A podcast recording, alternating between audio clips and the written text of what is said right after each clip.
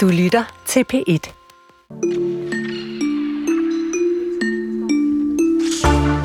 Chris, hvis jeg siger, at you are stuck in my heart, så sidder oh. der mindst halvanden generation af mennesker, der var unge sådan i slut 90'erne og op gennem nullerne, som med ret stor sandsynlighed tænker på et specifikt boyband lige med det samme.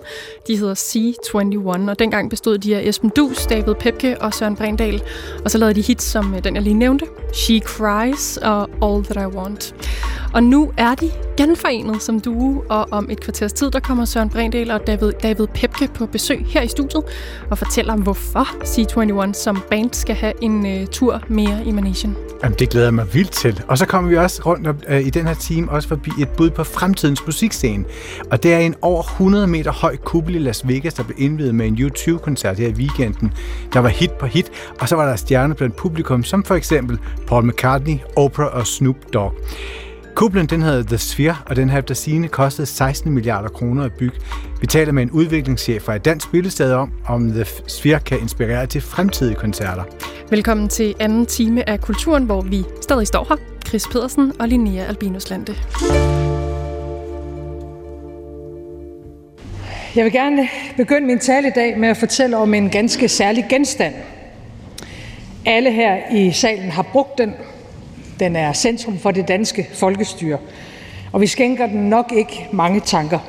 Det er talerstolen, jeg står på lige nu, hvorfra lovgivning i landet udgår, og i øvrigt har gjort det i mere end 100 år. Talerstolen blev skabt i årene 1915-17 af en ung kvindelig sneker, Annie Bernsen. Hun blev uddannet på Richards Løjt Institut som var en skole for de kvinder, der i starten af 1900-tallet forfulgte drømmen om at blive håndværker. Og sådan åbnede Mette Frederiksen i formiddags Folketinget efter en lang sommerferie. Vi har forsøgt at finde ud af, hvad der kommer til at fylde det kommende folketingsår på kulturområdet. Og derfor ringede Anders Skytte overgår til en række af de danske kulturfører for at høre, hvad de vil kæmpe for. På en travl dag, der fangede vi flere af ordførerne i hallerne på Christiansborg, og øh, de her rundringninger, de starter hos Charlotte Broman fra SF. Jamen altså noget af det, jeg synes, der er det allermest vigtige, det er i virkeligheden at få sat fokus på, øh, på kultur og kunst til alle børn og unge. Altså vi, øh, vi laver nogle små projekter, vi sender nogle, nogle øh, små bevillinger afsted, men vi mangler simpelthen en national handleplan for kunsten og kulturen ud til alle børn. Både så man kan få lov til at prøve sig af på scenerne med de forskellige kunstarter, og også kan få lov til at opleve en masse forskelligt. Så det bliver noget af mit øh, hovedfokus, og i øvrigt også at få mere kunst og kultur ind, på, øh, ind i skoledagen og i dagtilbudene. Og kampen for mere kultur fortsætter hos Janne Jørgensen og Venstre. Jamen, jeg vil kæmpe for, at vi får mere kultur til flere, som jeg siger, og det vil sige både altså antalsmæssigt, men også, at øh, kulturen kommer ud i alle afkrog af Danmark, og det skal vel og mærke ske uden, at det går ud over den kultur, der er i Aarhus og København og andre steder. Så vi skal have mere kultur. Og igen hos Helle Bonnesen hos Konservativ. Jeg vil gerne kæmpe for mere og bedre kultur til danskerne. Øh, både at vores store og små scener har det godt, så er det ret væsentligt for mig, at DR leverer dansk produceret kvalitetsindhold. Og som er meget vigtigt, at vi dyrker fællesskabet igennem kulturen. Øh, vi har aldrig haft brug for fællesskabet på den måde, som vi har nu. Kampen for mere kultur til børn og unge vækker genklang hos Mogens Jensen og Socialdemokratiet. Han har dog også en anden gruppe, som han særligt gerne vil ramme med mere kultur i hverdagen. Noget andet, som, som øh, jeg er utrolig engageret i, det, det er, hvordan vi det hele taget får kulturen øh, bredere ud. Og der kommer jeg til at fokusere på øh, i, i den kommende folketingssæson her, på hvordan vi kan gøre arbejdspladsen til et langt stærkere, stærkere omdrejningspunkt for at formidle kunst og kultur. Det er jo der, vi, vi befinder os rigtig meget af, af tiden. Og, og der kan vi øh, sammen forhåbentlig med arbejdsmarkedsparter gøre en langt, langt stærkere indsats for, at det er også et sted, hvor, øh, hvor øh, alle folk kan, kan møde tilbud om øh, at deltage i kunst- og kulturarbejdspladsen, øh, og virksomheden øh, jo også selv kan lave tiltag på, på det her område. Hvordan kunne det for eksempel være? Jamen, jeg tror, du øh, kan tage ved lære af, af fortiden. Øh, tilbage i tiden, der har man jo haft øh, fra forskellige kulturinstitutioners side nærmest øh, ambassadører ude på, øh, på arbejdspladserne, Øh, Øh, du har haft folk tilbage i tiden, der har solgt bøger øh, på, på arbejdspladsen. Du øh, har haft øh, teaterambassadører ude på arbejdspladserne, der øh, var med til at facilitere, at man tog afsted øh, grupper i, øh, i teatret. Øh, der er faktisk erfaringer tilbage i historien at trække på øh, her, og så skal man selvfølgelig øh, diskutere, hvordan man også kan bruge øh, man sige, de nye teknologiske muligheder, vi har i dag her for at, at tilbyde kunst og kultur, øh, også på, på arbejdspladserne. Så, så det er noget af det, jeg gerne vil, vil, øh, vil arbejde med. Ja, mere kultur til danskerne var en vigtig mærkesag for flere af politikerne. Hos Søren Søndergaard og Enhedslisten var der to kommende aftaler i fokus. Jamen, jeg synes, der er to ting, der er bundne opgaver, øh, som vi skal gøre noget ved. Øh, og det ene det er, at vi øh, meget hurtigt skal have lavet en ny filmaftale. Den gamle udløber her i udgangen af, af det her år. Og vi skal jo lave en filmaftale, der sikrer dansk film øh, til, til befolkningen øh, i årene fremover. Øh, så det er den ene vigtige opgave. Og den anden det er, at øh, vi skal i gang med at forhandle en museumsreform, hvor at øh, vi skal sikre, at museerne bliver bedre finansieret. Der kommer mere klarhed og gennemskuelighed, men også at museerne er i stand til at række ud til nye grupper af folk, som ikke traditionelt kommer på museerne. Så det er to bundne opgaver, og dem skal der bruges tid på. Og når du siger sikre dansk film, mener du så øh, altså en bedre økonomi til dansk film? Ja, altså i hvert fald, at der kan produceres øh, flere danske kvalitetsfilm. Altså det er jo det, der er det afgørende, øh, at, at der kan det, og det kræver selvfølgelig, at der er øh, en, en god økonomi. Men der er en masse ting involveret her, det kræver også, at det bliver vist, øh, at de kommer ud til publikum, øh, og det er jo den diskussion, vi skal have i, i forhandlingerne om, hvordan øh, vi politisk kan bidrage til, at det sker. Også hos Pernille Vermund og Nye Borgerlige stod det klart, hvad der skulle kæmpes for i den kommende folketingssæson. Jamen, vi kommer til at kæmpe for øh, enten at få privatiseret Danmarks Radio, og det har jo nok øh, svære kår i øjeblikket, men om, som minimum at, øh, at begrænse øh, tilskuddet til Danmarks Radio. Og til sidst hos Katrine Daggaard fra Liberal Alliance stod det meget klart, hvad der skulle kæmpes for i den kommende sæson. Jeg vil gerne kæmpe for, at øh, vi får mere fokus på talenter, på kvalitet, øh, frem for mainstream. Ja. Kan du uddybe det?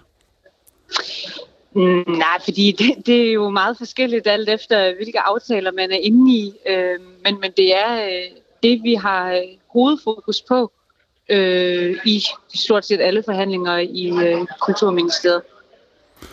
Så talenter, altså talenter inden for kulturområdet, hvem, hvem kunne det for eksempel være? Jamen talent, det kan jo både være talentudvikling, men det kan jo også være at sikre fødekæden. Øhm, og og der, der er der egentlig ret meget, man kan gøre øh, på mange områder, synes jeg. Ja, hvad kunne det være? Det kunne for eksempel være øh, den mangel på øh, musiklærer, vi har ude i folkeskoler. Øhm, der, øh, der har vi, da her i da vi lavede musikhandleplan, kom vi med et forslag til, hvordan at, det, at vi kunne lave en, en ny og bedre musiklæreruddannelse øh, for pengene, men, øh, men det blev desværre ikke en del af musikhandleplanen. Øh, men, men det øh, er for eksempel et område, som ja, politikerne jo ikke har løst det problem, at, øh, at vi har en meget, meget stor mangel på musiklærer, som kan varetage ordentlig musikundervisning i skolen. Og ligesom de forskellige kulturfører har mærkesager, de vil kæmpe for, så spurgte Anders Skytte går dem også til, til, om der er kulturmærkesager, de vil kæmpe imod. Her var især koranlovgivningen og indskrækningen af ytringsfriheden hos kunstnere et stort fokus, og vi startede med at høre, hvad de nye borgerlige og Pernille Vermund sagde til det.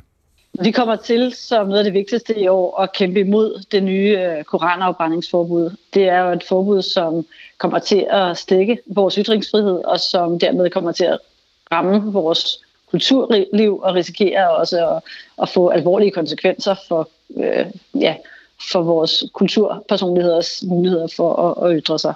Og meget ens lød det hos Helle Bonnesen og de konservative. Jeg vil gerne arbejde imod, at vi begrænser ytringsfriheden, øh, som jeg jo mener, at regeringen gør med koranloven.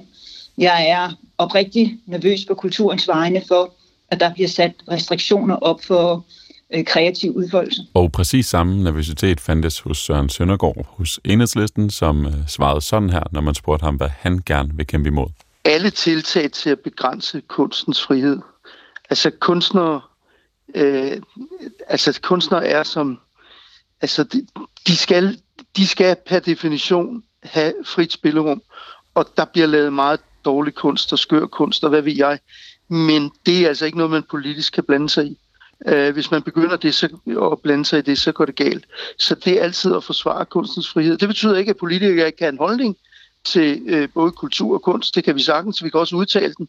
Uh, vi skal bare ikke gå ind på nogen måde og bruge politisk magt til at forhindre kunstnere i selv uh, at komme med det udtryk, øh, som de ønsker. De samme bekymringer for kunstnernes frihed fandtes også hos Charlotte Broman og SF. Hun startede dog med fokuset et andet sted. Jeg vil først og fremmest kæmpe imod, at øh, vi, øh, vi sparer på det, fordi vi tror på, at, øh, at alt muligt andet er vigtigt, og kultur er lige så vigtigt øh, i et velfærdssamfund som alt andet. Og hvis vi begynder at skære endnu mere på den øh, kultur, vi har, jamen så betyder det bare, at det bliver de rigeste og det mest privilegerede for os. Det vil jeg kæmpe imod. Og så vil jeg kæmpe imod, at politikerne skal ind og styre og bestemme, øh, hvad for en slags kultur og, og kunst, der skal have støtte, fordi det er der også nogle kræfter, der vil. Og der, øh, der vil vi i hvert fald i høj grad sætte øh, store rammer omkring, at kunsten skal fortsætte være fri, og det skal kulturlivet også. De skal have fri tøjler til at udfolde sig, øh, som, som de rigtig gerne vil. Tænker du her på koranlovgivningen? Det kan, det kan både koranlovgivningen, men det, men det handler jo også om, om vi skal sidde og bestemme ind på Christiansborg, hvad der er rigtigt og forkert. Øh, når vi også snakker om bysten, det har der været rigtig meget diskussion omkring, at vi vil prøve at lægge øh, mundbind på kunstnere, som øh, udtaler sig kritisk via deres kunst. Og det, øh, det synes jeg er noget af det mest farlige for, for et demokratisk samfund. Hos Liberal Alliance og Venstre har de blikket rettet samme vej. De vil gerne gøre op med kvoter og begrænsende tiltag på kulturbranchen. Vi hører først her fra Liberal Alliances Katrine Daggaard. Jeg vil kæmpe imod øh, kvoter kønskvoter i særdeleshed, men øh, jeg har også hørt, at der for eksempel i den nye filmaftale her, vi sniger øh, flere ting ind, man skal tælle, altså hvor det ikke kun er køn, men øh, det måske også kunne blive udvidet til at være ja, hudfarve eller andet. Og det, det er noget, øh, LA vil kæmpe meget hårdt imod. Hvorfor vil I gerne kæmpe imod det? Det vil vi, fordi vi synes, det er øh, fjollet at sætte fokus på, på det, frem for øh, øh, hvor dygtig man er. Altså, øh, det er jo kun på kulturområdet, at man øh, overhovedet har indført øh, kønsregnskaber, kønsselvangivelser osv. Øh, det kan vi jo heldigvis ikke finde andre steder endnu.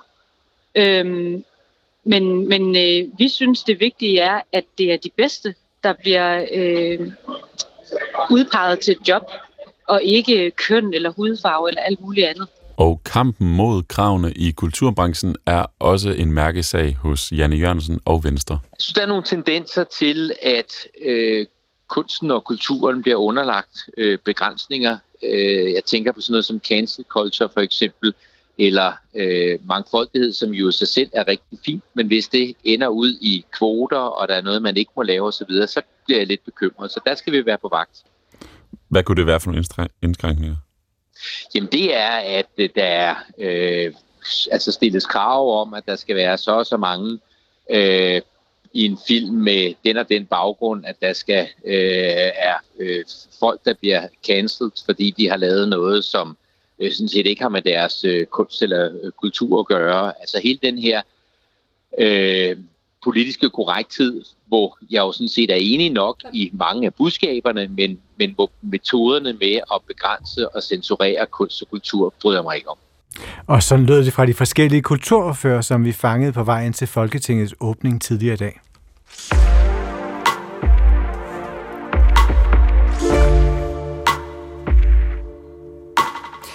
Hvis du derude tændte for din øh, radio eller åbnede et eller andet magasin i 90'erne eller 0'erne, så var det umuligt ikke at støde på dem. Hele fænomenet boybandet. Nu skal vi til 8. pladsen, som man godt kan sige er en lidt anden genre. Det er i hvert fald tre drenge her fra Danmark. C21, Stuck in My Heart. You are stuck in my heart Like counting a million that many reasons you are. Can't you tell? You've been all over me Like a spell I Storbritannien hed de Take That, i Irland hed de Westlife, i USA hed de NSYNC og Backstreet Boys, og i Danmark hed de C21. C21 de hittede med numre som All That I Want, She Cries og Stuck in My Heart, som vi øh, hører her og står og danser lidt til. Bandet solgte mere end 40.000 albums i Danmark og over, hold nu fast, 300.000 i Asien. I mange år var C21 en trio bestående af Søren Brindal, Esben Dus og David Pepke, men Dus han forlod bandet i 2005, og året efter gik C21 i opløsning. Men ikke for godt, for nu er C21 tilbage med Søren Brændal og David Pepke, og velkommen til jer to. Tusind tak. Mange tak. Så godt at være her. Dejligt, I ville, og øh, vi vil simpelthen bare gerne vende alt mere. Fortid, nutid, fremtid, ja. og, øh, og hvordan man er et boyband i 2023. Øh, Men for de P1-lyttere, der ikke var klistret til skærmen og så lige så meget boogie, som jeg for eksempel gjorde i nullerne, hvor stor var jeres opbakning som C21 dengang så? Jamen altså, øh, åh, det er sådan lidt andet, end egen juice at svare på ja. det. Jamen, nu er du blevet Kæmpe stor. Men den, var, den, den oplevede vi som var ret stor, må man sige. Altså udover, at vi i Danmark øh, meget hurtigt fik fat. Jeg tror, der var sådan lidt et vakuum, fordi at, øh, der var en boyband-storm ude i verden med, som du sagde, Chris... Øh, Take That, uh, Backstreet, NSYNC derudad. Ikke? Uh, men i Danmark havde vi ikke rigtig nailet den endnu, så jeg tror, vi der var ligesom sådan en hul til os der, uh, som gjorde, at uh, de her store grupper af fans, boyband-fans, var rigtig glade for, at der kom et dansk bud på, øh, på det. Og det, det mærkede vi til koncerter. Vi mærkede det, når vi var i Boogie, Boogie og de stod i, i kø ude foran for at møde os der, eller hvor end vi sådan set var, var der øh, meget, meget, meget engagerede fans. Hvordan reagerede de der fans? Altså, hvad, hvad gjorde de? altså, det var jo... Øh, det, det er jo øh, I Danmark er det jo anderledes, end det så viser sig at være i Asien. Øh, det er jo altid øh, sådan rimelig øh, øh, mådeholdende, men alligevel øh, stor kærlighed. Det var jo øh, mange kram, mange, øh, der blev taget mange billeder. Det var før selfie, fordi man tog dem jo som regel med indgangskamera og sådan noget. Ikke? Øh, Ej, og skrevet autografer? Ja, ja, masser, ja, ja, ja. masser af autografer. Ja, ja, ja. ja, og... jeg, altså, jeg, kan, kan du huske, jeg kan huske en situation, hvor vi vi havde taget og skrevet autografer i hvert fald i et kvarter 20 minutter, og så kommer der nogle piger over og har stået kø der i lang tid også inden. Og der fik vi den der oplevelse, som vi har siddet og set på tv med Backstreet og de, og de andre, at de simpelthen besvimede. Mm. Øh, og der tror jeg, der var noget, der gik op for os om, at de her følelser som boybandmusik og det, det vi repræsenterede der, kan vække er virkelig, virkelig uh, intenst. Altså, og især fordi det var på det tidspunkt jo især teenagepiger, og teenager generelt ved vi jo også på egen krop og sjæl, at alt blev forstørret. Ikke? Altså, så store følelser blev bare endnu større, mm. både i den gode og den lidt øh, dårligere ende. Så det så vi jo helt konkret, at det, det overvældede. Mm. Oplevede I nogensinde, at det stiger til hovedet? den der interesse? Hver dag. Så det er også til hovedet? Ja. Altså, mit arbejde var jo at holde Søren nede. altså, han steg jo som regel som sådan en uh, Hindenburg-ballon uh, der. Hvordan det? Uh, nej, altså, det, jeg tror, vi var ret gode til at, at, at holde os selv uh, nede og, og, uh, og, og, og jordbunden, kan man sige. Men det hænger også sammen med, at vi jo har nogle rigtig gode uh, vennegrupper uh, hver især. Vi er tæt forbundet med vores familie og så videre, så man, altså, det er jo ikke det der med, at man pludselig kun beskæftiger sig med, altså hænger ud med andre stars og sådan noget. Altså, det, vi, vi, vi vendte ligesom hjem til vores, ja. til vores rødder, når vi havde været ude at spille, og det, det hjælper jo rigtig meget på. Ja, Men nu sagde det, handlede om at holde Søren nede. Øh, jeg kan jo glemme at tænke på det her med, at, at sådan nogle boybands, også, også pigebands, de jo meget havde de her sådan forskellige karakterer. Mm. Altså, hvis du tænker på en Spice Girl, så havde du ligesom den, hvad hedder det, den Sporty elegante Spice. sure, så havde du Sporty Spice, som mm. var sporty. Ja. Mm. Ginger Spice, som var spicy. Hun var rødhåret. Ja. Rødhåret, det var bare det. Hvad for en rolle havde Søren da? Men Søren, han er jo øh, den klassiske, altså den øh, klassiske, elegante øh, øh, øh, pigemagneten, hvor jeg er sådan lidt mere den flippede. Esben han var mere sådan, øh, han var mere sådan hip-hop-agtig, urban. urban øh, ja, ja, ja, ja. Og alle de, der, alle de der roller der er jo i virkeligheden sådan en... Øh, altså, det, det, var jo aldrig... Øh, der var jo aldrig nogen pladselskabsfolk, som sagde, du skal være sådan, du skal være sådan, du skal være sådan.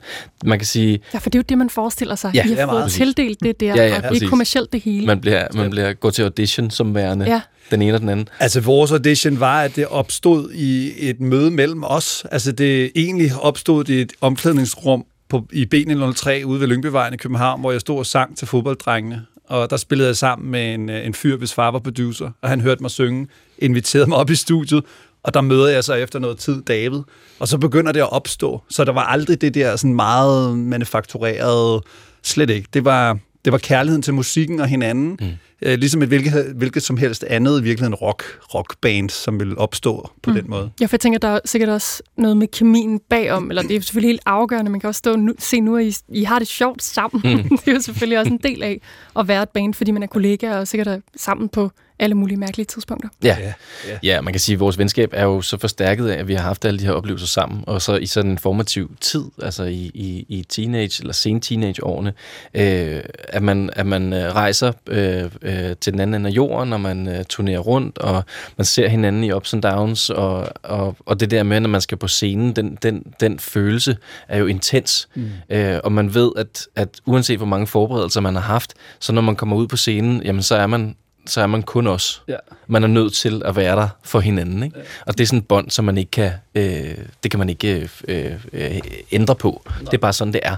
Så, så den connection, den, den, den består. Ja. Og nu hører vi så, at I startede, altså, altså I skabte det her bånd i et omklædningsrum.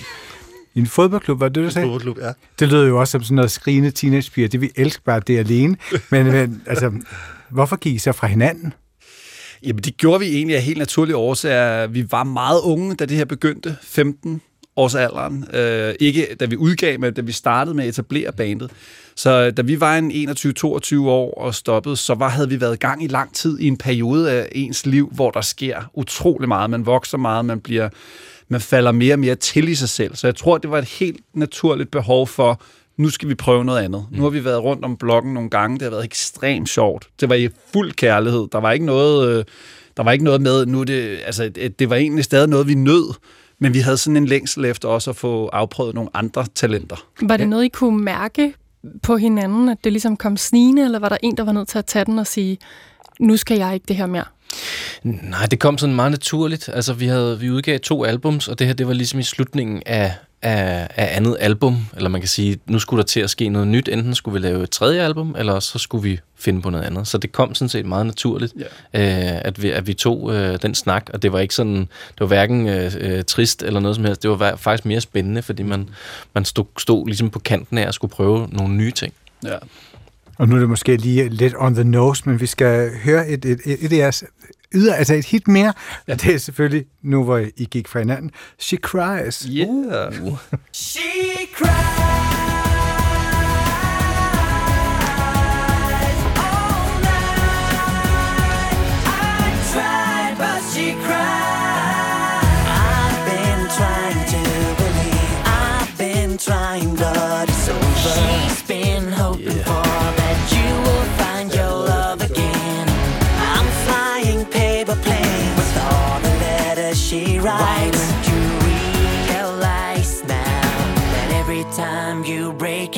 It, she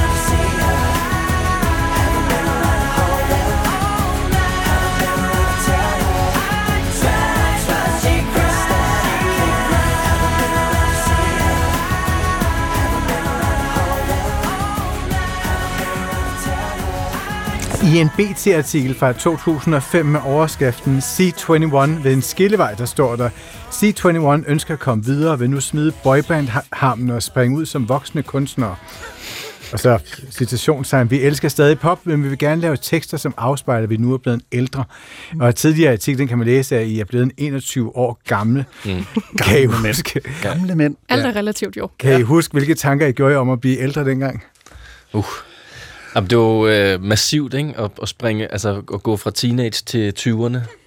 Øh, jeg tror, altså, det drejede sig jo om, at man, øh, at man vil videre ud i en ny kontekst. Øh, og, og, og det at skrive tekster om noget andet, det handler jo i virkeligheden om, at vi gerne vil ud og erfare nogle nye ting. Altså, man må gerne have nogle nye historier at fortælle. Øh, og det, det har vi jo hver især gjort. Øh, øh, jeg, har, har, jeg var i militæret en kort overgang og havde en masse forskellige jobs, og så var jeg ude at rejse. Jeg rejste tværs over øh, USA med min guitar. Øh, og, og, og var simpelthen på jagt efter øh, historier, øh, sang, sangskrivningsmateriale, og det er jo i bund og grund bare et spørgsmål om at, at leve, mm. leve sit liv og, og, og lære en masse ting. Ja. Var det det samme for dig, Søren, at du havde en... Jeg skal bare... Altså, nu prøver jeg bare lige at gå med de her impulser. Ja, øh, jeg var rimelig hurtigt videre i skuespil også, øh, og har har sådan i virkeligheden jo arbejdet videre intenst i underholdningsbranchen, først med skuespil, siden med musik og så videre. Øh, har ikke rigtig sluppet det. Øh, men, men, men dengang var det, da ligesom David forklarede, også et behov for at få erfaret noget nyt se verden fra nogle nye perspektiver. Øh, fælles for os begge er, at vi er sindssygt nysgerrige. Mm. Øh, hvilket også gør, at denne her runde, 2023 C21, er fyldt med energi og lyst til at opdage, hvad det kan bringe os. Altså, hvad er det for grænser, vi kan skubbe til i forhold til den genre, vi har fat i, og hvad kan vi opnå? Kan vi bygge videre på den succes? Og, mm. og vi må sige, at indtil videre den første måned hedder indikerer, at det bliver sjovt. Man kunne tænke, når du siger, at I begge to er enormt nysgerrigt anlagt, at man så som band havde lyst til at prøve noget nyt, mm. i stedet for at gå tilbage til noget, der engang var et hit. Hvad for nogle forventninger har I til T21 2.0? Jamen det her, det er jo en, altså vores nye musik, øh, vores første single Tricks og, og hele den EP, som, som, som den er en del af, Stay Pop Part 1, det er, det er os, der øh, sparker døren ind til en popfest. Øh, vi, vi vil rigtig gerne ud og sprede noget, øh, noget rigtig god energi og noget kærlighed øh, i en tid, hvor øh, der er, er masser af alt muligt, som ikke er det. Øh, så, så det er, det er ligesom øh, vores, øh, vores øh, øh, sådan bevæggrund for at lave det her, det er, at vi elsker at lave popmusik. Øh, og, og fælles øh, har vi det sådan, at at komme øh, tilbage øh, bag mikrofonen som C21, det føles som at komme hjem. Det er sådan en, en, øh, en, en helt klar følelse, vi ja, begge to har. Meget. Et safe space. Men nu hvor I så er kommet hjem, altså man kunne jo også sige, at som 15, 16, 17, 21, 21 årig, mm der kunne man jo sige det samme, at man vil gerne ud og sprede noget glæde med popmusik, fordi at verden ser så mærkelig ud. Hvordan kan man mærke, at I er blevet ældre? Eller hvordan kan I mærke det i forhold til den, den musik, I laver, eller teksterne? Nå, men altså, det er jo 18 år siden, vi stoppede, ikke? så det, livet er blevet levet. Vi har slået os, og vi har sejret og grædt og grint. Altså, som alle andre mennesker er der løbet vand i åen, havde jeg sagt. Og det tager vi jo med os ind i vores, øh, song, altså vores sangskrivning med vores team. Mm. Æ, og det gør vi uden at forlade den signatur, det er at lave boybandmusik. Vi skal ikke pludselig være Leonard Cohen øh, og danse synkrondans til den slags. Det er nok meget godt. Øh, det vil ja. jeg elske. vi, kender, vi kender, vi er meget bevidste om, hvad genren øh, kan og skal. Så vi står ved enkelheden, vi står ved de catchy omkvæd og kom, kom frem i bussen. Men nuancerne er blevet flere. Vi kan trække på nogle historier, som vi jo ikke havde, da vi var teenager, hvor man skrev om kærlighed, måske lidt mere ud fra et koncept, end en erfaret sådan dimension. Det var mere teori. Det var lidt mere praksis. teori, end det var praksis. Ja. Giv os lige et øh, par ord på Tricks, jeres øh, første nye single her fra anden runde, inden vi sætter den på. Jamen, Tricks er en, øh, man kan sige, det er en, en, øh, en, øh, en kærlighedserklæring til, øh, til den øh, partner, øh, i vores tilfælde er det kvinder, øh, og at den, øh, den fløjt, de tricks, der ligger, den øh, kvindelist, øh, der må ligge i, i sådan en fløjt. Man ved godt, at, at man bliver snydt, og man bliver bedraget, og man bliver gjort alt muligt med, men man vil gerne have det, fordi man kan godt lide øh, den kærlighed, der opstår. Ja. Det er tricks. When we met, you pretend to be busy, busy, you try to forget that I make you dizzy, dizzy. It's pretty plain to see we can have it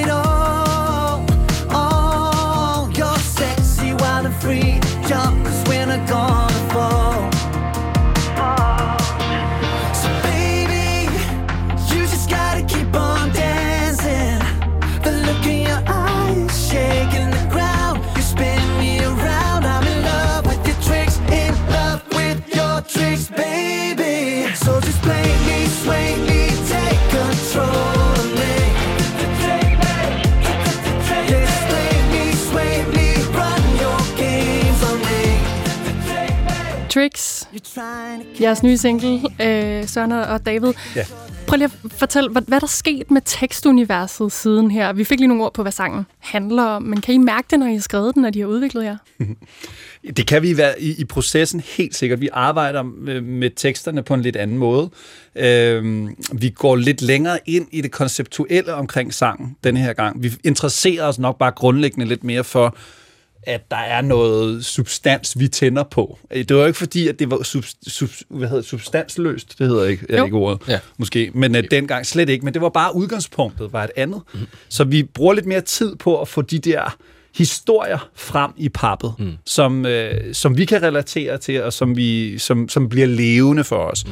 Men igen må vi tilbage til, at vi kender vores vi har givet et løfte som boyband-medlemmer, og det er, det er at øh, det skal forblive relativt simpelt, og det skal forblive som en invitation, alle, alle i virkeligheden kan reagere på. Øh, og derfor skal det ikke ud i alle mulige meget dybe øh, analyser af liv og tilværelse. Og heller ikke nogen øh, udvidede akkorder eller noget. Det, dem er der sådan set masser af. Nå, okay. Ja, ja. Ja. Nej, jeg skrev også lige første sætning på sangen ned. Det, uh, when we meet, you pretend to be busy. Ja. Så tænkte jeg, det er jo også... Det er meget travlt. Og vi har snakket om, nu har vi snakket i jeres tekster, men hvad for nogle tanker har I gjort jer om, hvordan, altså sådan at forny musikken, eller at få, få musikken med? Ja. Altså, vi holder jo fast i nogle, øh, i nogle ting, som... Øh, altså, vores vokalarbejde øh, er, er sådan, som man vil bygge en sang i, øh, i nullerne. Øh, der, er, øh, ja, Hvad betyder der ligger, det? Jamen, der ligger jo... Altså, på sådan en sang som her, der ligger der måske, øh, der ligger måske øh, 100 vokalspor. Det vil sige, der er, der er så mange forskellige harmonier, som ligger og laver den lyd, som, som, som er vores lyd. Øh, så det er et meget stort, øh, meget stort arbejde, der ligger i korarbejdet. Mm. Øh, der ligger guitar på, øh, som jo også altid har ligget i vores musik. Men vi har været øh, vi er jo interesseret i at skubbe musikken frem og tage musikken frem til 2023. Øh, og det, det kan man sige, at øh, det, det er det Stay Pop Part 1 øh, er. Det er ligesom vores, øh, vores øh, øh, den måde, at vi tager nullerne øh, frem til 2023, øh, giver det det løft, som, som, øh, som musikken øh, lyder til nu. Og helt konkret, hvordan er det, vi, hvilke mennesker er det, vi inviterer ind i, i sangskrivningen? Hvad er det for producer, vi inviterer op til dans? Og det er folk, som arbejder internationalt med kæmpe store hits for, for, for nutidige kunstnere, og derfor har vi nogen at spare med omkring den der hårfine balance, hvor vi både skal have det gode gamle med, men forny det. Hmm. Ja. Og nu startede I jo som en trio, men spurgte I det tredje medlem fra gamle dage, Esben Dus, om han var interesseret i at være med igen? Uh, vi spurgte ham ikke, om han ville være med igen, fordi han selv forlod uh, festen dengang et år inden David og jeg uh, valgte at stoppe, så det, det var i dyb respekt for hans beslutning dengang. Og så vi har faktisk eksisteret som en duo, uh, også i nullerne. Uh, vi skrev et meget kærligt brev til ham om, at nu uh, kom vi tilbage og, og takkede ham for alt det, vi havde dengang. Hvad sagde han til det? Jeg tror ikke, vi har hørt fra ham sådan lige umiddelbart, uh, så det ved jeg ikke. Så hvis du lytter nu, Esben, så øh, står der to. Så får du gerne- stadigvæk en krammer herfra. Ja. Okay, I har været øh, fra hinanden i cirka 17 år mm. som C21, øh, vel at mærke. Hvad tænker I om? Det kan være, der er nogen, der sidder, der, sidder derude og tænker, de mangler sgu nok penge, og så gør de bare det hele igen. Ja. Hvad tænker I om det? The Big Mortgage Tour. Ja. øhm, nej, altså det, man kan sige, øh, musikbranchen er jo ikke sådan et sted, man skal begive sig ind, hvis man skal tjene sindssygt mange penge. Øh, der kan man lave mange andre ting, tænker Ej, jeg. som, har 300.000 fans i Asien. jo, jo, jo, klart. Der, der er selvfølgelig mulighed for at tjene nogle penge. Nej, det her, det er, det er jo... Søren og jeg har jo snakket om, om at spille igen, og vi har også spillet ind imellem til, til venners øh, bryllupper og sådan noget igennem de, de forgangne år. Øh, og da vi, øh, da vi øh, øh, for, ja, for halvandet år siden øh, tog en snak, Søren, Søren luftede tanken, øh, måtte vi mærke efter, og, og det var sådan en helt klar øh, ja følelse. Mm. Mm. Og det er jo et spørgsmål om, hvornår, altså, hvad, hvordan er livssituationen, hvor er der tid til det, er der plads til det, er der lyst til det? Og det, det, det mærkede vi begge to efter, og det var bare helt klart nu. Jeg har lyst til at få til, at vi jo, ud, fordi lysten er fuldstændig center, mm. centret af det, vi gør her. Men da den ligesom meldte sig, og vi havde besluttet os, så gik vi til gengæld i et forretningsmål, for vi er begge to meget professionelt anlagt. Vi vil gerne opnå noget. Vi vil også gerne gøre det til en forretning, vi og andre kan leve af. Så vi har faktisk en investor-backed plan på fire år, hvor vi er sikret to EP'er, syv numre, musikvideoer, turstagen og alt, hvad man i virkeligheden drømmer om som artist, men som i dag er blevet langt sværere, fordi det er mere song-by-song signinger, de store labels laver, mm. og man tester mere på to-tre sange, og så ser man, hvordan det udvikler sig. Vi mm. kan rent faktisk have det lange lys på i fire år, sammen med vores investorer, som jo øvrigt også er et nyt bud på, hvordan vi som artister kan tage ansvar og eje vores egen platform og vores kreative space. Øh, Og det synes vi er sindssygt spændende også. Mm. Der er vores nysgerrighed også i spil. Hmm. Og der, der er netop det her branded C21, det vil have betydning i forhold til at få investorer på. Bestemt. Det er, altså, det er klart, at vi har et proof of concept. har, man så, har I så skulle gå ud, det lyder vildt sjovt, investorer, det, er jo, det har jeg faktisk ikke hørt før, at man så skulle gå ud med sådan en, hvad hedder det, ligesom når man skal lancere et nyt produkt, hvor man præsenterer sådan en pitch en, deck. en, en pitch deck med, hvad hedder det? Ja, altså det er jo sådan, det foregår. Altså det er jo netværksarbejde ud i nogle kredse, som de fleste kunstnere og musikere måske ikke kommer i. Altså jeg personligt har turneret meget i den verden af andre grunde, og så har et netværk, der kunne aktiveres. Og så er det ellers at være forberedt til tænderne. Have din forretnings plan og dine argumenter for, hvorfor det her det er en lønsom øh, idé, og ikke kun lønsom, men også en idé, som investorerne faktisk er begejstrede over at være med på, fordi de synes, det er sjovt. De synes, det er spændende at være involveret i nogle projekter, der kan noget andet end en, end en Novo-aktie, som jo også giver mening, men som er en lidt anden rejse. Ikke? Mm-hmm. Ja. Så til alle dem, som øh, blev rigtig glade for at høre, at C21 kommer tilbage, så er der i hvert fald fire års løfte om, at I øh, ja, er her. det er så dejligt. Men hvem er de her mennesker? Altså, hvem, hvad er det for en målgruppe, I sigter efter nu? Er det dem, der var mere i slut 90'erne og 0'erne, eller er det dem, der er unge og teenager nu? Ja, altså, det er klart, at dem, dem som var med os øh, i sin tid, de, øh, de, er jo, de er jo nu også i, øh, i, hvad er de, i midten af 30'erne, øh, og øh, det er klart, at det er dem, der, vil, der umiddelbart vil tænke, C21, dem skal jeg da høre igen. Søren han lige ved at ja, krepere her. Jeg er stadig. Håber ikke, det sker før nu i lige. trækker på fire år, så han har ja, døde i kulturen på P1. øhm, men, øh, men vi er selvfølgelig også interesserede i at få, få øh, unge mennesker med, og, og det er ikke sådan, at vi ekskluderer nogen overhovedet. Øh, det er klart, at, at, øh, at øh, de, øh, de mennesker, som, som, som umiddelbart tænker, C21, det er min ungdom, dem, øh, dem kender jeg. Øh, de vil hoppe på først, og så er alle andre også velkomne. Og det er simpelthen for alle. Ja, og det kan jo være, at I har været nogle nye lyttere her i P1-segmentet. Tak til Søren Brandal og David Pepke, medlemmer af C21. Og tak. så sender vi jer lige ud på øh, det her hit, som vi godt kan tåle lidt mere af. Yes, tak. Oh. Det er fik også et hostanfald. like counting a million stars For that many reasons you are Can't you tell?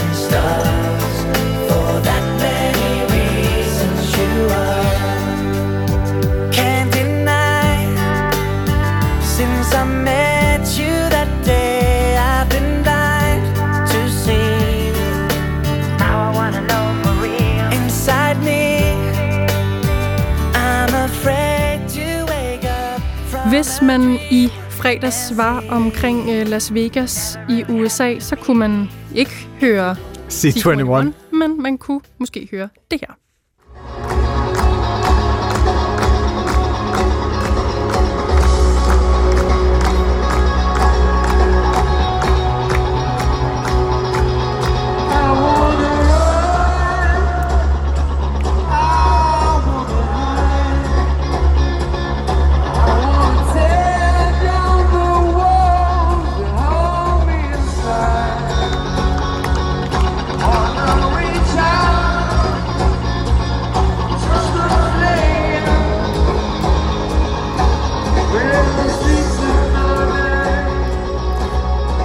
Det var altså ikke mig, der sang. Det var en liveoptagelse af bandet YouTube med deres sang With the Streets Have No Name.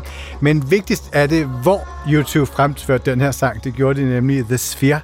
Og det er den her gigantiske kuppel med en højde på 111 meter og 157 meter i bredden, som gør den til verdens største sfæriske øh, konstruktion. Og den her sfære er øh, Las Vegas' helt nye spillested, som er beklædt med mere end en million LED-lys, som tilsammen kan give en koncertoplevelse rimelig meget sådan ud over det sædvanlige. U2 fik øh, æren af at indvige med en øh, udsolgt koncert i The Sphere i fredags, som sagt. Og hele den her kuppel har kostet omkring 16 milliarder kroner at opføre. Ved den her koncert, der sad 18.000 mennesker ved, blandt publikum cirka. Så nu har vi sådan sat scenen og kan byde velkommen til dig, Lene Vive Christiansen. Tak skal jeg. Tu, øh, program- og udviklingschef på øh, Vega i Københavns mm. spillested Vega. Nu satte vi lige nogle ord på det, men hvad for en slags koncertoplevelse tror du, man ville få i den her kuppel i Las Vegas? Ah, men altså, jeg tror slet ikke, man er klar på at sætte ord på, når man kommer ud af den der kuppel. Det ser fuldstændig fantastisk ud. Ja, det var nærmest juleløs i øjnene. Men jeg, jeg, jeg klamer fuldstændig med det samme. Jeg er enormt begejstret. Det er nogle ret vilde tal. Altså, det er 157.000 højtalere, gigantiske 360 grader LED-skærme.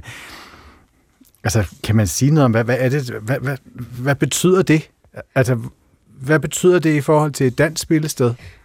Øh, øh, om, altså en, en omvæltning af hele oplevelsen, vil jeg sige. Men altså, øh, mindre kan også gøre det. Det, der er interessant i det her, er faktisk, at det vi kigger ind i er, altså det er jo sådan et todelt, det er jo både sådan en visuel vanvittig oplevelse, fordi det er 360 grader, det er hele vejen rundt, det er en gigantisk LED-skærm, øh, så der foregår jo alle mulige, der er jo alle mulige muligheder nu, men man, man kan med den del.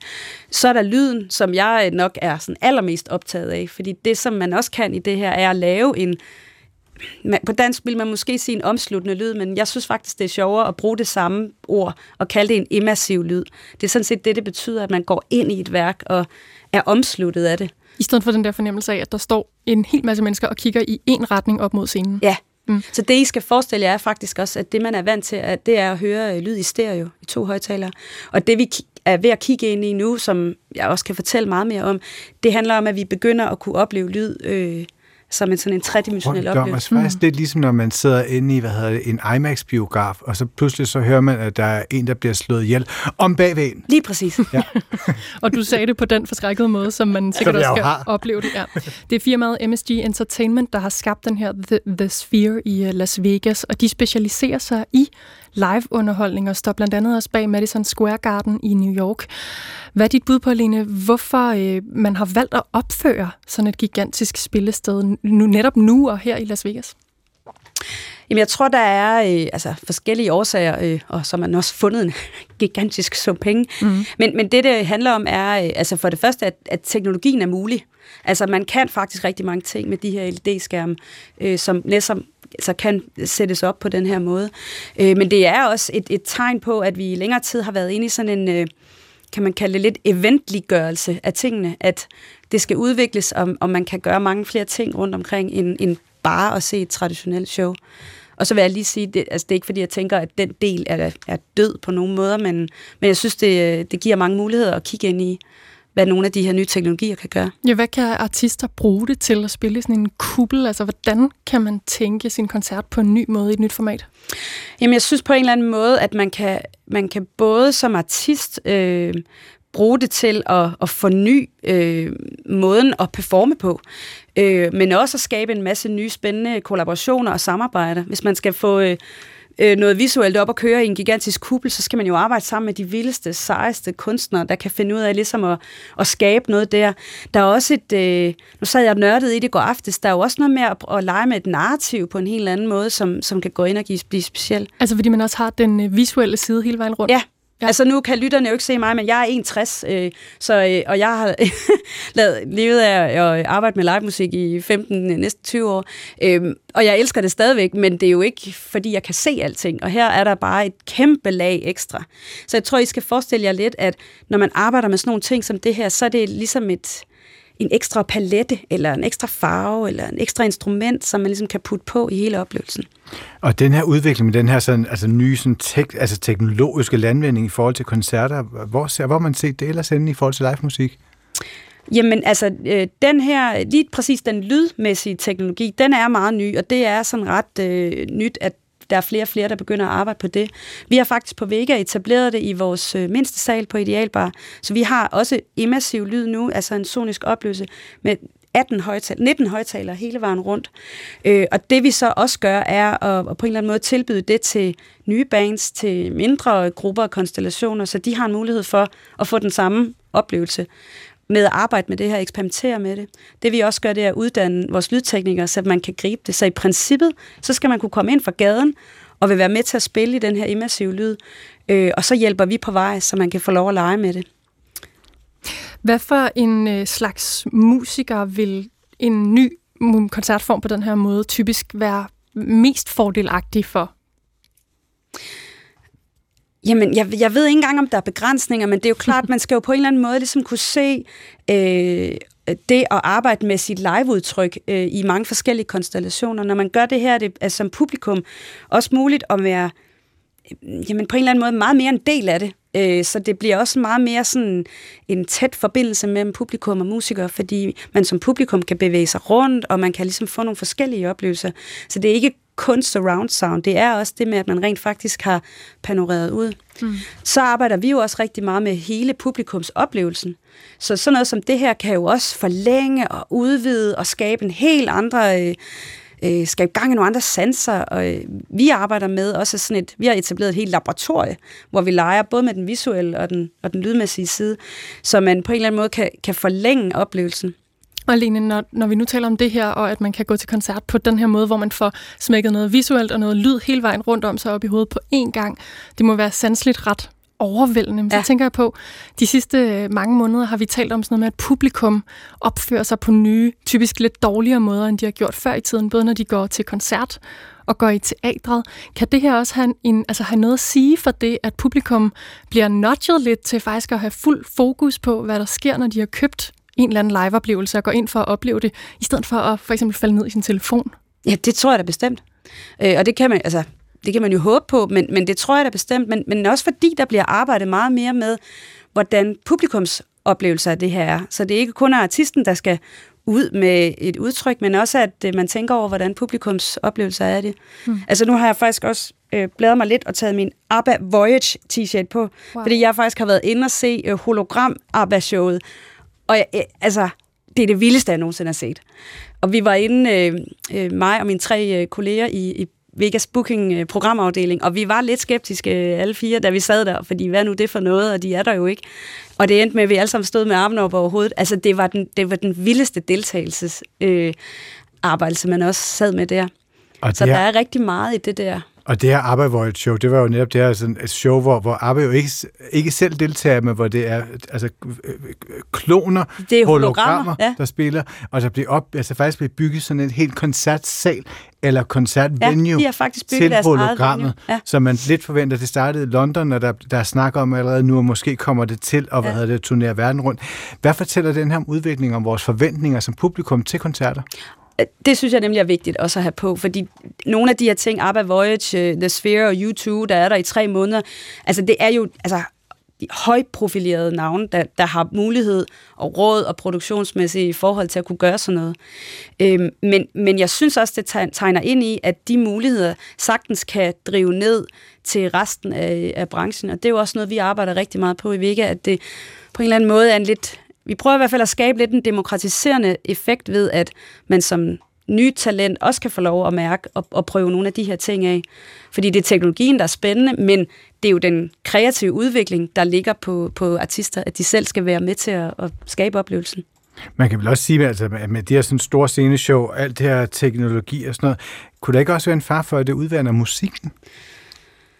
Jamen det, det er jo en mm-hmm. opgave, som, som vi som branche og som artister skal, skal kigge i. Men, men lige som jeg ser det lige nu, er det, er det et add-on. Altså helt klart. Men det er jo et krav, at man holder ved det vigtige. Jeg kan lige vise jer, hvad jeg har taget med her. Mm. Altså, øh, nu, et print. Nu har jeg taget et print her, og det jeg vil sige til lytterne er, at øh, det, der er to billeder. Det ene billede, det er en liveoptagelse, eller en live-koncert, jeg var til sidste år, hvor øh, der står en artist, der spiller live, men alle, også i publikum, vi har faktisk VR-briller på. Og det er i Vega i København? Det er i Vega i øh, København. Øh, og, og det vi oplever inde i VR-brillerne er et kæmpestort visuelt univers, som ham her artisten har skabt. Han hedder Roman Rapak, og han har et firma, der hedder Wristband. Øh, så har han også lavet sådan nogle metalag, fordi vi, lige pludselig kunne vi se hinanden, mens vi havde briller på, og lige pludselig kunne vi se hinanden i sådan et quirky, øh, mærkeligt øh, AR-univers. Så det er jo en leg med en hel masse nye teknologier. Om det er den vej, vi skal gå med alting, altså på ingen måde, men det er jo sjovt at undersøge, hvad mulighederne er. Mm. Og billede nummer to, kan jeg sige til lytterne, det er, hvad jeg elsker allermest i hele verden. et tæt proppet Vega, med, hvor alle har armene op over hovedet og øh, ser deres yndlingsartist. De der goosebumps, når, øh, når house lights de ligesom øh, bliver slukket, det er, det er det bedste i verden. Mm. Og det kommer ikke til at gå væk, bare det var fordi faktisk- vi udvikler alt det her. Mit næste spørgsmål, Line, det er godt, du siger det der, fordi det, er jo, det kan jo godt være, at der er nogen, der sidder og virkelig og tænker, at de holder så meget af den der lidt mere sådan, jeg har lyst til at sige analog måde at gå til koncert på nærmest, hvor man øh, bare får den klassiske oplevelse, man forventer. Kommer den her immersive lydmåde øh, måde at lave koncerter på, kommer den til at overtage, tror du, for den gammeldags koncert? Øh, ja, det kunne jeg faktisk godt øh, forvente, at det gør, men det er ikke noget, jeg ville være bange for. Fordi altså, i virkeligheden tror jeg måske, man tænkte det samme, når man gik fra mono til stereo, men, men det var jo bare dejligt nok, at vi fik det bredt lidt ud.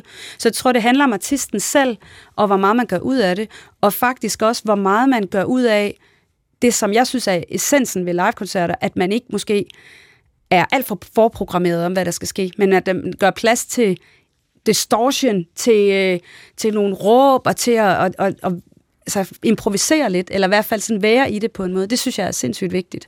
Og så bliver det jo spændende at se, om vi får en 200 meter høj sfære her i København til måske 25 milliarder kroner. Tak til dig til Lene Vive Christiansen, program- og udviklingschef på Vega. Tak.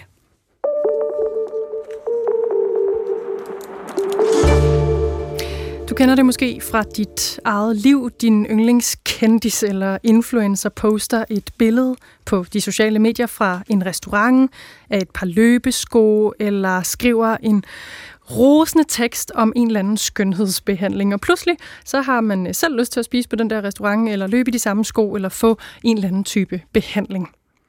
Berømtheder, de påvirker os, øh, om vi vil det eller ej, vores liv og alle vores forbrugsvaner.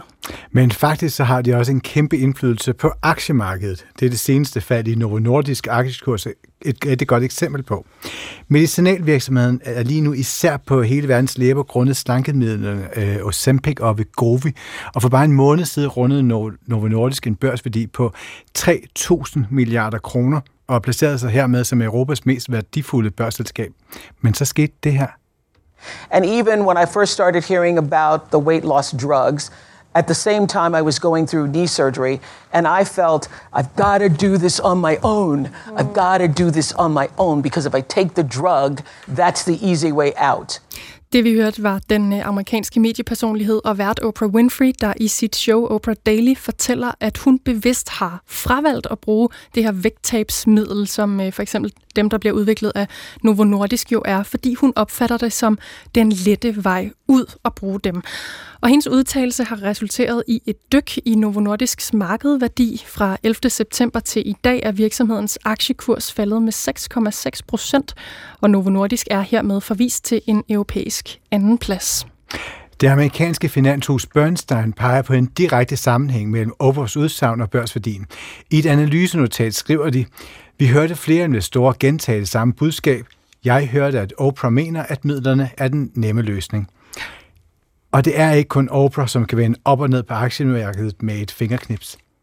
Just got my first Leos. So cute. Launching this tomorrow at 10 a.m. PST. Um, do you guys want me to try this on right now? I think I'm gonna do it. Ja, her hørte vi den amerikanske reality-stjerne og forretningskvinde Kylie Jenner tale til sine følgere på det sociale medie for video- og billeddeling, der hedder Snapchat. I januar 2018 der udrullede Snapchat en ny opdatering, som i højere grad blandede indhold fra brugernes egne kontakter med indhold fra offentlige profiler. Og Kylie Jenner er en af de første i generationen af kendiser, som ja, har en så stor berømmelse, og, at, og som i øvrigt hovedsageligt udspringer af lige præcis Snapchat og andre sociale medier, som hun altså har. Hun var utilfreds med den her opdatering, og så besluttede hun sig for at skrive sådan her på det sociale medie Twitter. Er der andre end mig, der aldrig åbner Snapchat længere? Det er så trist. Allerede dagen efter fald, oplevede Snap, Snap Inc., som står bag appen Snapchat, et fald i markedsværdien på 1,4 milliarder dollars. Et fald på over 6 procent. I andre tilfælde kan noget så småt som en håndbevægelse eller et enkelt ord udløse drastiske fald i aktiemarkedet. Under mændenes europamesterskab i fodbold i 2020, der sad verdens måske største sportsstjerne, portugisiske Cristiano Ronaldo, med til en øh, pressekonference. Foran ham var der et øh, ja, meget nøjsomt placeret Coca-Cola-logo eller en flaske, fordi at øh, netop den her drikkevarekoncern var en af hovedsponsorerne bag turneringen. Og pludselig skubber Cristiano Ronaldo de her to colaflasker til side og siger de skæbnesvangre ord. Agua, altså vand, det var alt, det skulle til. 30 minutter efter hændelsen havde Coca-Cola mistet 4 milliarder dollar i markedsværdi, det svarer til knap 2 procent. Ugen efter var cola-aktierne stadig dalende, og i alt regnes Cristiano Ronaldos Agua, altså det kostede Coca-Cola over 230 milliarder dollars. Bum. Men når man snakker om kendiser og om, hvordan deres udtalelser påvirker økonomi og samfund, så virker ligningen også lidt den anden vej. Mange undersøgelser viser, at hvis en berømt person poserer med et produkt, så stiger omtalen og dermed også salget. Af den grund tager for eksempel en øh, popstjerne som Beyoncé over 10 millioner kroner for et enkelt sponsoreret opslag på Instagram. Ikke så let.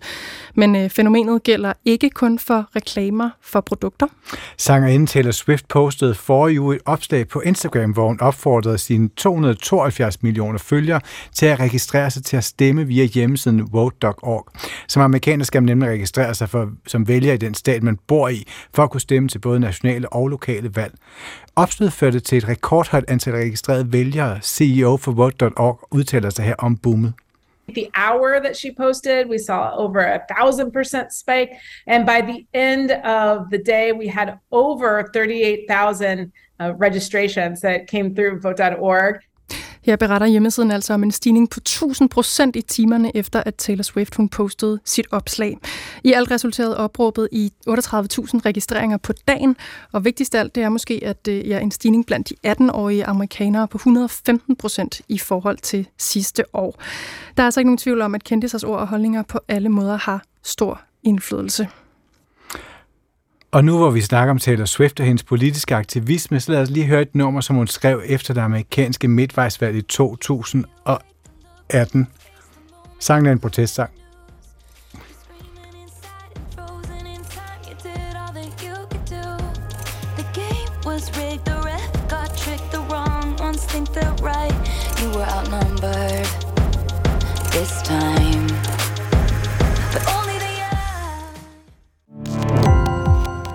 Gå på opdagelse i alle DR's podcast og radioprogrammer. I appen DR Lyd.